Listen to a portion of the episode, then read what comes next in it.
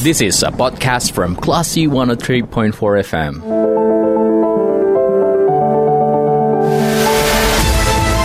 Sesaat lagi Anda akan mencermati Bincang Sehat Semen Padang Hospital.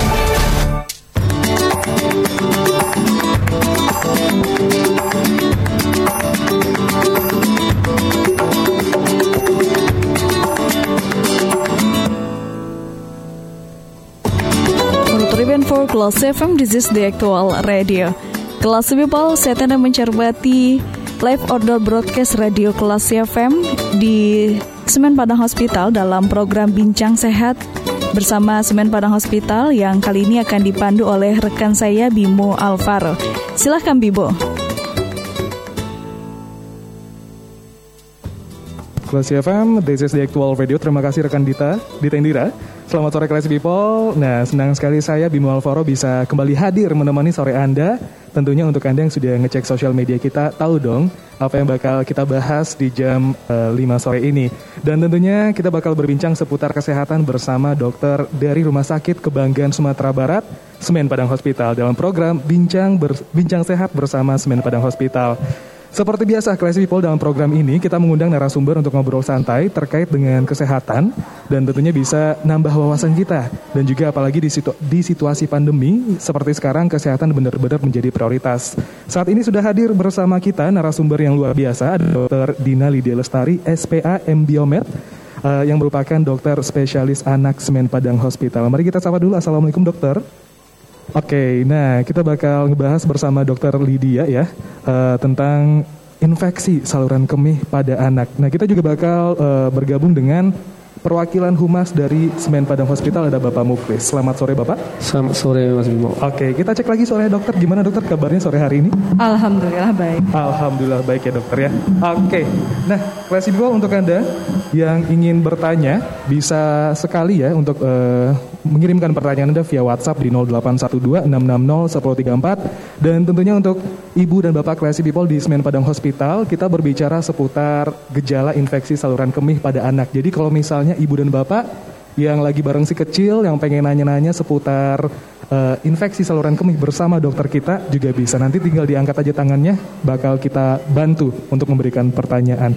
Nah, dokter ya di sore hari ini nah sudah ada juga nih beberapa laporan ya bagaimana terkait dengan infeksi saluran kemih di mana dilansir dari halodoc.com sebanyak 8 dari 100 anak perempuan dan 2 dari 100 anak laki-laki akan terkena infeksi saluran kemih dan anak kecil memiliki resiko lebih besar mengalami kerusakan ginjal yang terkait dengan ISK dibandingkan anak yang lebih tua atau orang dewasa. Nah sebenarnya di dokter, infeksi saluran kemih itu apa sih dokter? Oke, Mas Bimo, pertama uh, yang perlu kita ketahui ya bahwa infeksi saluran kemih atau kita singkat ISK itu adalah penyakit nomor dua terbanyak pada anak. Berarti uh, selain ISPA atau infeksi pernafasan bisa nomor duanya adalah infeksi saluran kemih. Kemudian apa itu infeksi saluran kemih? Yaitu adalah suatu invasi masuknya kuman ke dalam saluran kemih yang dengan jumlah yang cukup sehingga menyebabkan infeksi. Apa aja saluran kemih itu? Yang pertama paling atas itu adalah ginjal, ke bawahnya ada ureter, kemudian vesika urinaria atau kantong kemih, kemudian uh, ke bawahnya adalah uretra. Jadi infeksi saluran kemih memumpungi semuanya, bisa dari ginjalnya, ureternya, vesika urinaria atau uretranya, gitu. Dan penyakit ini juga disebut dengan silent disease. Kenapa? Karena gejalanya yang tidak khas, berbeda dengan ISPA ya. Kalau batuk, flu langsung para orang tua datang membawa berobat, tapi kalau dengan ISK barangkali orang tuanya tidak akan memahami kalau anaknya sudah mengalami ISK gitu. Oke dokter. Nah penyebab terjadi infeksi saluran kemih ini gimana dokter? Apakah si anak itu merasakan nyeri atau gimana secara spesifiknya dokter? Kalau untuk penyebab paling sering adalah kuman. Kumannya okay. adalah kuman yang hidup di dalam tubuh anak itu sendiri. Yang paling sering dan paling dekat adalah E. coli yaitu kuman yang berasal dari uh, kotoran atau fesesnya si anak. Sehingga ketika dia cebok, mungkin cara cebok yang tidak benar atau higiennya tidak baik sehingga kuman itu akan berpindah ke jalur infeksi eh, saluran kemihnya. Akhirnya terjadilah infeksi saluran kemih. Ada lagi beberapa kuman yang juga cukup sering seperti Klebsiella, Streptococcus, Staphylococcus, beberapa macam nama kuman yang juga ikut terlibat dalam infeksi saluran kemih. Kalau untuk gejala, okay. Sebenarnya gejalanya itu berbagai level umur berbagi beda juga gejalanya. Pertama okay. untuk bayi baru lahir sampai umur satu bulan, justru gejalanya hanya demam atau mungkin dia lebih cenderung rewel atau bahkan kuning. Aneh juga kan, mm nggak sesuai dengan infeksi saluran kemih daerah perut bawah. Kok bisa jadi kuning? Kok bisa jadi demam? Atau malah mual, muntah atau gampang nangis. Kemudian untuk anak yang usianya antara satu bulan sampai satu tahun, yang mana dia bisa menyebabkan demam, yang sering kita temukan adalah gagalnya tumbuh. Okay. Jadi anak itu berat badannya kurang dari seharusnya, kemudian stunting atau gagal tumbuh, berat badan kurang, amat cengeng, sering, sering menangis, dan juga bisa menyebabkan demam yang menimbulkan kejang. Jadi cukup mengerikan juga. Tapi rata-rata orang tidak ngeh itu adalah ISK. Kenapa ya? Balik lagi dari yang pertama tadi bahwa dia merupakan penyakit yang silent Diam-diam tapi ngabisin, iya. diam-diam tapi ngabisin berat badan, ngabisin tinggi badan, bahkan kecerdasan nanti ujung-ujungnya. Lalu untuk anak yang lebih besar dari satu tahun dia sudah bisa mengeluh ya, mungkin dia bisa bilang bahwa nyeri daerah ari-ari atau daerah perut ke bawah, atau saat berkemih dia jadi merasakan nyeri, atau ada demam tinggi bahkan juga bisa menyebabkan kejang. Dan untuk anak lebih besar lagi ya, keluhan-keluhan yang ke arah situ akan lebih jelas. Jadi untuk anak yang lebih kecil, kecil dari lima tahun lah balita, bahkan keluhan itu menjadi samar sehingga jadinya penyakit ini kita sebut dengan silent disease. Begitu Mas Bimo. Oke dokter. Nah tadi dokter menjelaskan kalau uh, penyakit ini infeksi saluran kemih itu berbeda-beda tergantung dengan usia yang dialami uh, oleh si penderita. Nah saya tadi kebayang kalau misalnya si anak yang umur balita di bawah tiga tahun yang mungkin dalam keluhan mungkin masih bisa ngomong atau mungkin uh, nangis. Nah, berarti ini apakah ada kaitannya dengan penggunaan popok kah? Atau mungkin penggunaan celana dalam yang terlalu ketat sehingga mungkin fesesnya bisa kena di bagian alat reproduksi. Gimana dokter? Nah, itu kita bilangnya tentang faktor resiko. Kalau hmm. tadi penyebabnya adalah kuman, bahkan ada juga jamur yang diketahui juga menyebabkan ISK, ada juga namanya faktor resiko. Apa itu faktor resikonya? Yang pertama anak dengan diabetes mellitus. Okay. Otomatis dia akan sering pipis sehingga mungkin hygiene tidak bagus. Kemudian anak yang hygiene-nya atau pemeliharaan mungkin dia ceboknya sudah dilepas oleh ibunya sehingga dia cebok sendiri dan kita tidak tahu itu kebersihannya levelnya sepertinya itu tertutup ketika sejak Nah, itu juga bisa menyebabkan terjadinya ISK. Dan itu kalau tidak diketahui akan menyebabkan ISK yang berulang, berulang, berulang seperti itu. Oke, dokter. Nah, tadi kita ngebahas tentang ISK pada anak. Apakah ada perbedaan ISK untuk anak-anak uh, dan juga ISK yang dialami oleh orang dewasa nih, dokter? Secara terminologi tidak ada perbedaan antara ISK dewasa ataupun anak-anak. Sama-sama adalah infeksi pada saluran kemih. Tapi barangkali gejala yang akan berbeda. Ketika orang dewasa dia akan tahu oh jangan saya ISK. Kenapa? Nyerinya di daerah ari-ari, kemudian mengalami demam-demam, sumeng-sumeng. Kemudian mungkin pas berkemih merasakan nyeri atau setelah berkemih terasa panas atau warna kemihnya dia bisa melihat bahwa ada perubahan warna pada urinnya.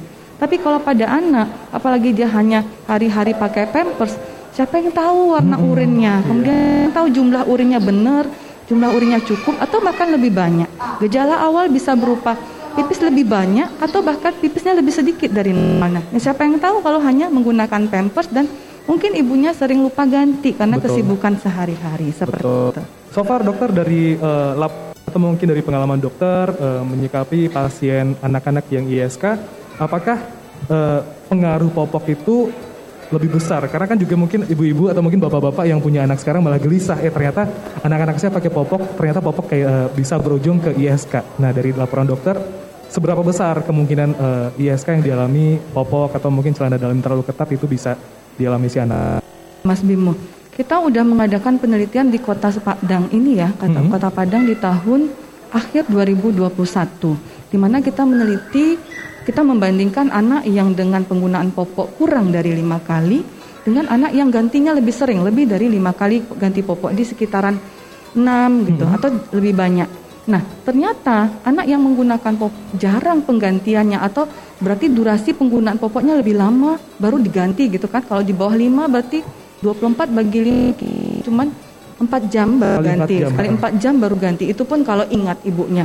Nah, ternyata pada anak tersebut ketika kita kumpulkan urinnya, ditemukanlah jumlah leukositnya lebih banyak. Okay. Buktinya apa?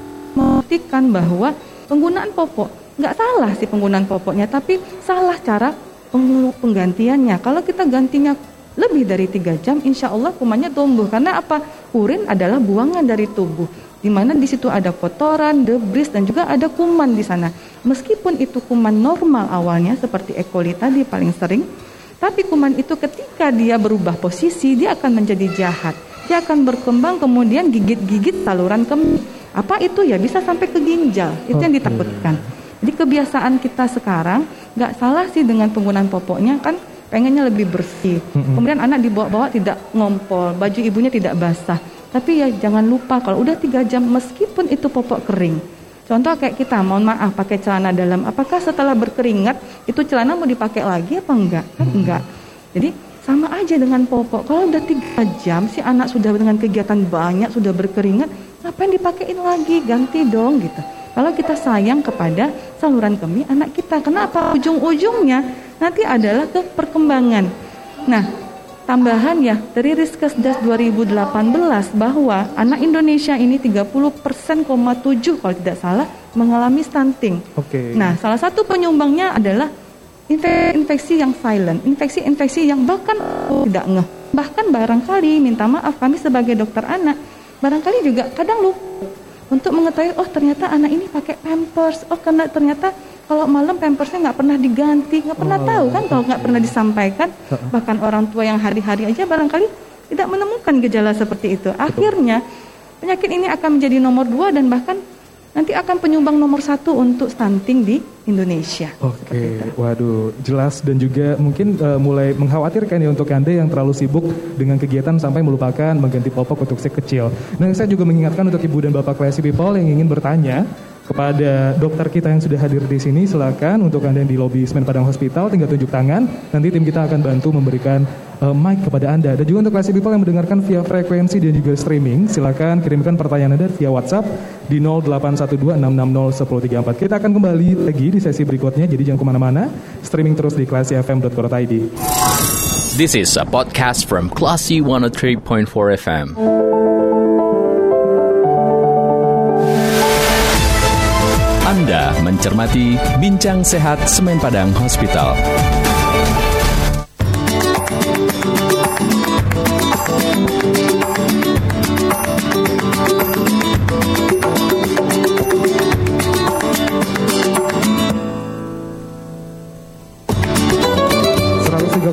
FM, this is the actual radio class people. Terima kasih masih mencermati program Bincang Sehat Semen Padang Hospital tentunya kita juga masih berada di lobi Semen Padang Hospital bersama dokter kita ada dokter Lydia yang akan berbicara seputar infeksi saluran anak. Nah kita sapa kembali kita assalamualaikum selamat sore dokter. Sore. Oke, nah tadi kita sempat ngobrol terkait dengan apa itu saluran kemih terus juga gejala yang dialami oleh anak dan juga dokter menjelaskan ternyata umur-umur itu juga uh, ada kaitannya ada gejala-gejala yang berbeda yang dialami untuk mereka yang mengidap infeksi saluran kemih. Nah sekarang nih dokter, saya ingin berbicara seputar apakah infeksi saluran kemih itu juga berkaitan dengan pola hidup atau mungkin kelainan bawaan lahir nih dokter?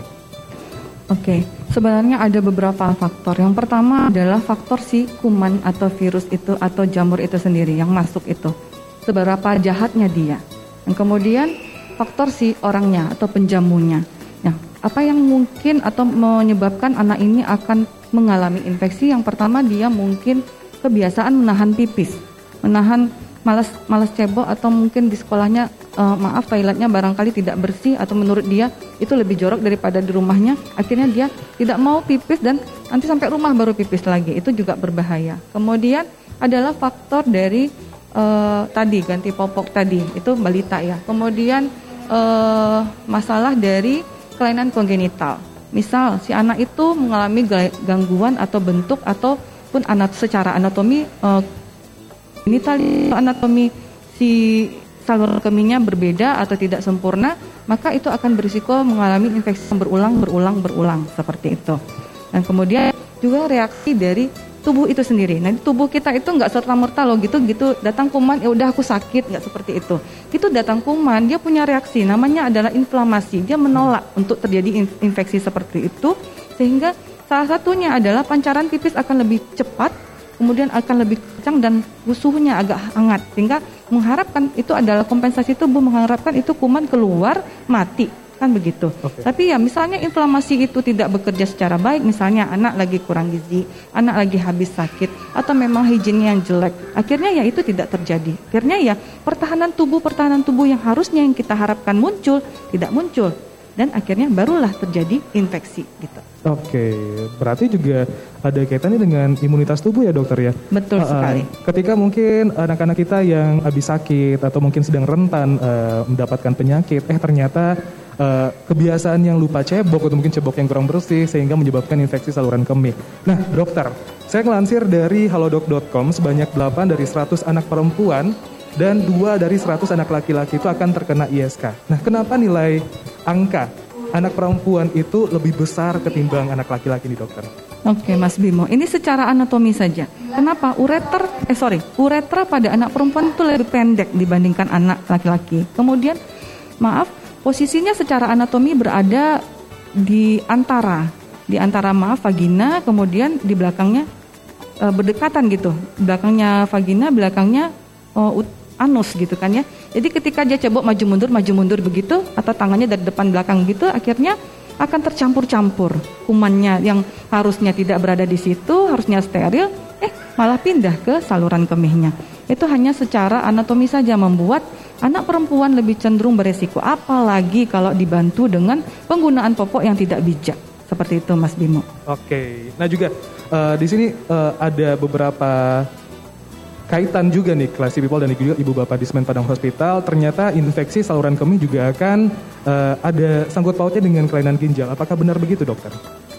Ujung-ujungnya nanti adalah pasien seperti di bawah itu cuci darah. Saya tidak menyatakan bahwa pasien cuci darah di bawah adalah karena ISK masa kecilnya tidak, tidak selalu seperti itu. Tapi perjalanan ISK itu ada janjian pasti gitu loh. Bukan kita mengharapkan, tapi itu adalah secara teorinya begitu. Ketika infeksi saluran kemih tidak diketahui secara baik, tidak dikenal dan tidak diterapi secara awal, secara cepat, maka infeksi itu akan berjalan terus, berjalan terus dengan silent tapi pasti. Lama-lama akan pertama menyebabkan acne injury atau seperti gagal ginjal akut awal-awal aja. Nah ini masih bisa baik normal, masih bisa kembali normal fungsi ginjalnya. Tapi ketika aki berulang, ketika infeksi saluran kemihnya repeat again, lagi-lagi muncul lagi, itu akan menyebabkan dia mengalami ujungnya adalah penyakit ginjal kronis. Nah inilah yang menyebabkan gagalnya ginjal. Ginjal nggak bisa lagi bekerja sebagaimana mestinya. Akhirnya apa?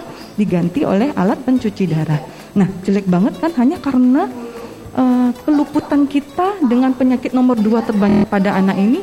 Akhirnya kita akan menciptakan Indonesia 40 tahun ke depan dia nanti bukannya menjadi dewasa yang aktif, bukannya jadi dewasa yang produktif, tapi malah dewasa yang cuci darah tiap bulan. Itu yang kita cemaskan. Ini penyakit lebih sering kok kayaknya belum banyak yang ngeh gitu. Mungkin ya di kalangan dokter barangkali ngeh ya, tapi maksudnya kita menyampaikan saat ini adalah bahwa ini penyakit nomor dua terbanyak loh, tapi gejalanya nggak ada gitu loh. Kalau batuk, pilek, sesak nafas, orang tua langsung bisa nyadarin bu, dok, ah, kemarin aja batuk langsung datang.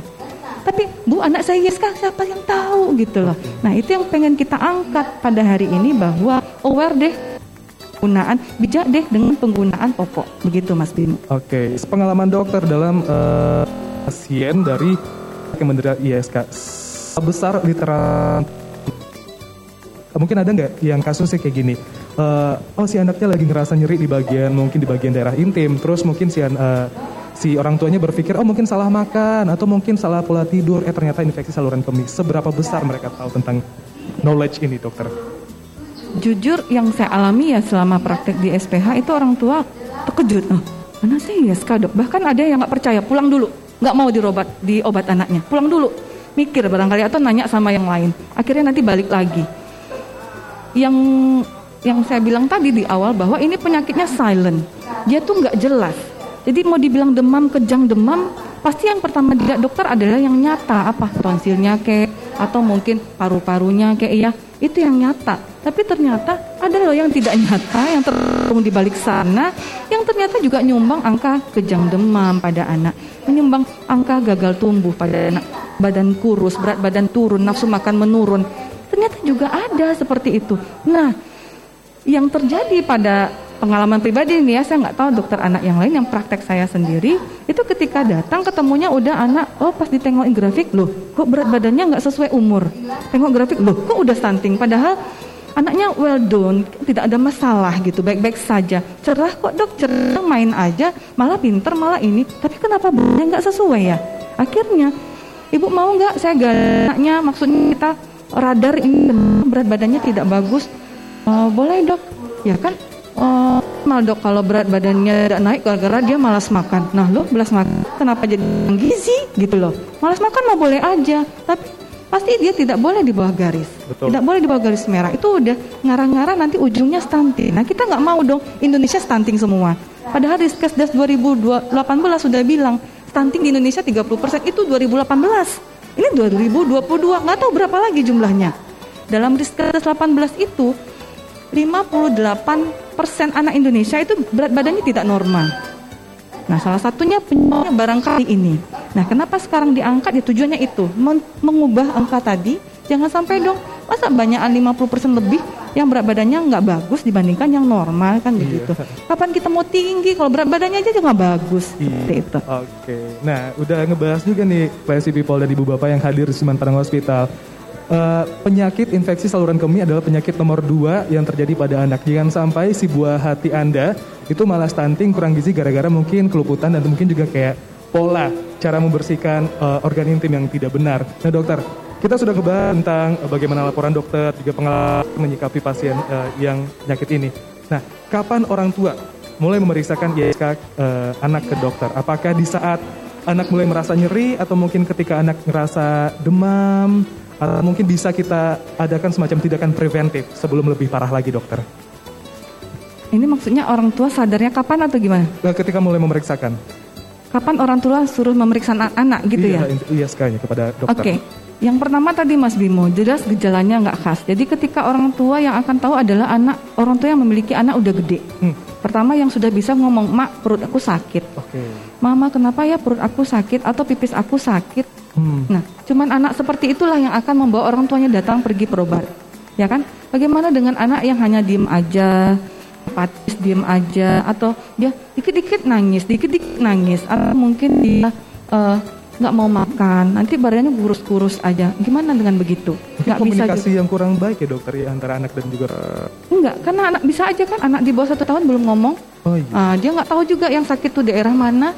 Kemudian dia juga tidak bisa men menceritakan, mama aku itu nyeri di ari-ari sebelah kiri kan nggak tahu, oh, iya. ya kan? Jadinya uh, yang bisa dibawa orang tua adalah anak-anak yang udah gede, yang udah bisa ngomong.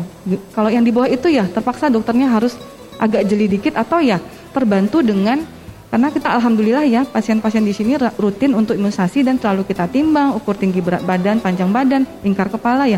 Mungkin dari situ dokternya bisa gali, eh kenapa ya grafiknya mulai menjauh dari normal. Ada apa ini? Pakai pampers mama iya. Berapa kali? Nah, mungkin dari situ baru kita secara tidak menemukan kasusnya begitu. Oke, kelas people dan ibu bapak Semen Padang Hospital, kita masih membuka peluang untuk anda yang ingin bertanya langsung kepada dokter kita. Jadi uh, sederhana saja, tinggal angkat tangan, nanti tim kita akan membantu untuk memberikan mic kepada anda. Dan kita masih ada satu sesi lagi dalam membahas obrolan kita seputar infeksi kemih pada anak. Jadi untuk itu ibu bapak dan kelas people yang mendengarkan jangan ke mana-mana. Uh, sampai ketemu di sesi 3, kita akan kembali setelah yang satu ini. This is a podcast from Classy 103.4 FM.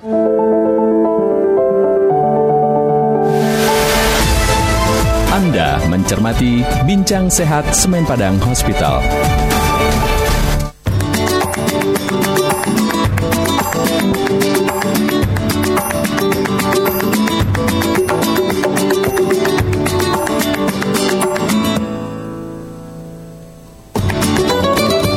103,4 Classy FM, this is the actual radio Classy People Masih bersama saya di program Bincang Sehat bersama Semen Padang Hospital Dan kita masih bergabung bersama Dr. Dina Lydia Lestari uh, Selaku dokter spesialis anak Semen Padang Hospital Dan kita masih ngebahas tentang gejala infeksi saluran kemih pada anak. Nah kalau tadi di sesi 1, sesi 2 kita sudah berbicara seputar apa itu ISK, terus juga gejala, dan bahkan mungkin apa yang menyebabkan. Dan saat ini di sesi 3 kita akan membahas tentang gimana sih cara mengobati dari infeksi saluran kemih tersebut. Nah, kita sapa kembali dokter kita. Assalamualaikum, selamat sore dokter. Waalaikumsalam, sore. Oke dokter, nah eh, tadi di sesi 2 kita sudah berbicara seputar eh, apakah ini ada kaitan dengan pola hidup, dengan ISK, terus juga kenapa anak perempuan lebih beresiko. Nah, Uh, buat sekarang kita pengen tahu nih mengobatinya gimana nih dokter karena kan ini juga ada kaitannya dengan uh, organ reproduksi dari anak uh, yang mengalami ISA ini. Bagaimana pengobatannya harus dijalani? Um, yang jelas pengobatannya karena ini penyebabnya adalah kuman tentu adalah antibiotik. Oke. Okay. Lalu bagaimana cara dokter memilih antibiotik? Kita mesti periksa dulu nih. Okay. Mau tahu. Yang pertama kita periksa dulu uh, urinalisa atau pemeriksaan urin secara rutin aja.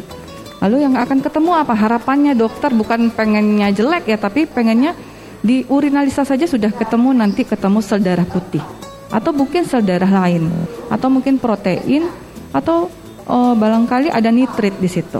Nah, dengan itu kita sudah memikirkan nah ini benar ISK. Lalu bagaimana lagi dilanjutkan? Boleh dilanjutkan dengan kultur urin. Urin yang sudah ditampung secara steril nanti ditanam ke, da ke dalam media agar, kemudian ditunggu selama satu minggu. Nanti ketemu kumannya, lalu biasanya eh, orang mikrobiologi sudah uh, ngetes itu cocoknya sama antibiotik siapa, gitu. Saya tumbuh kuman A misalnya, ternyata cocok sama antibiotik B, gitu. Nah, jadi di sinilah pilihan terapinya. Pertama, kalau dok lama banget anaknya udah demam tinggi, udah kejang, atau mungkin sudah jeleklah kondisinya, tentu dokter akan memilih antibiotik yang cepat. Namanya terapi empiris. Terapi yang kita pilihkan berdasarkan literatur dan penelitian yang terbukti mumpuni menterapi ISK.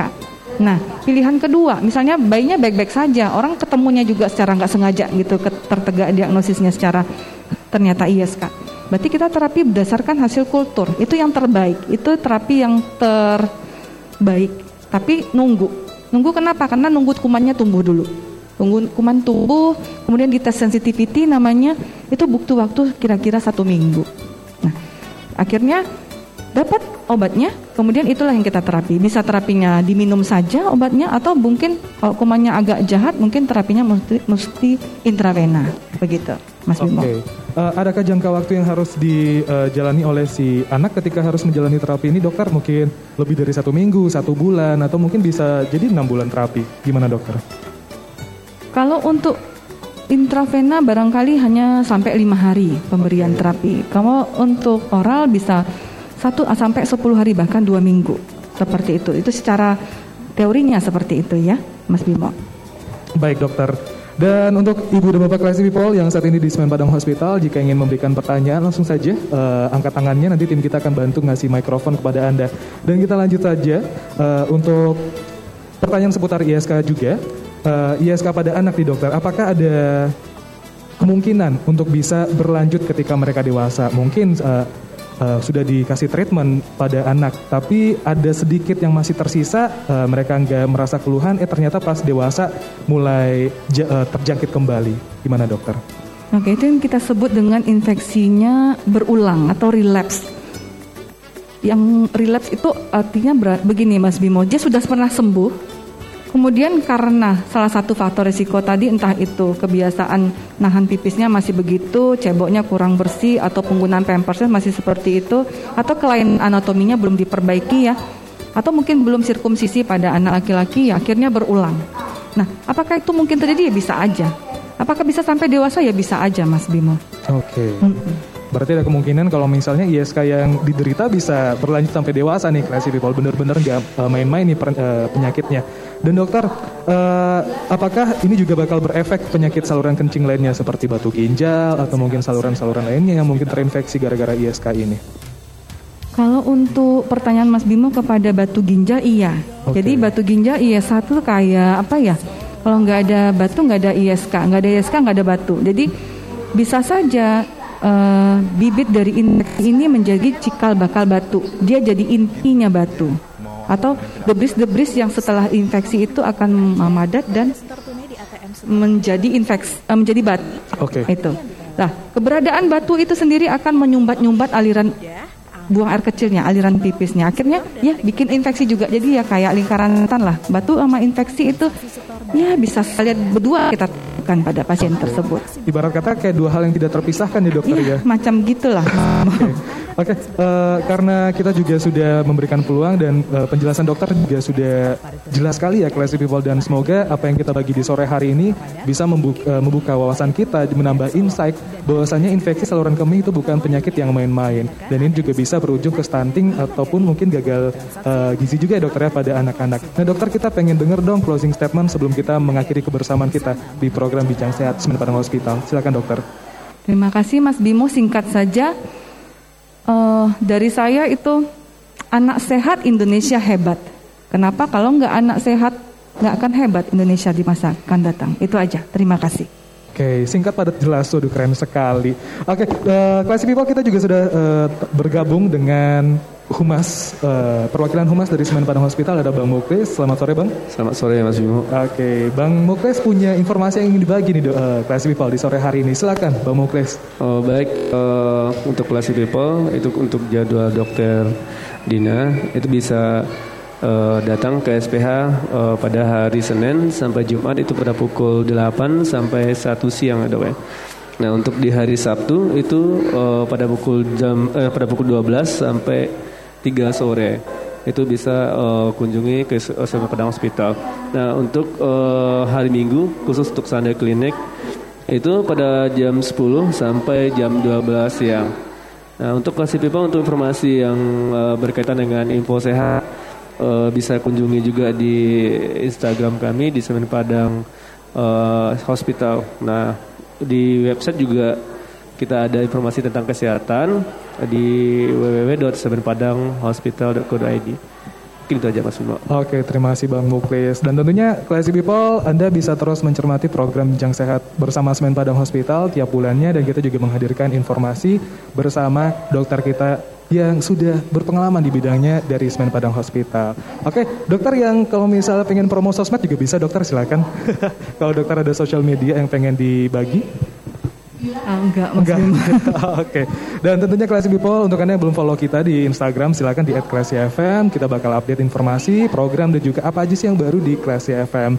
Uh, dengan berakhirnya sesi 3 juga berakhir juga ya obrolan kita di sore hari ini. Terima kasih Dokter Dina Lidestari yang sudah hadir. Sama-sama Mas Bimo, terima kasih juga. Oke, salam sehat terus dan sampai ketemu di lain kesempatan. Dan terima kasih juga Bang Bukis yang sudah ngasih informasi juga. Oke, terima kasih kelas people. Demikian Bincang Sehat bersama Semen Padang Hospital.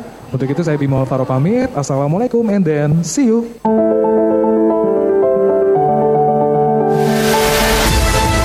Terima kasih Anda telah mencermati Bincang Sehat Semen Padang Hospital. This is a podcast from Classy 103.4 FM.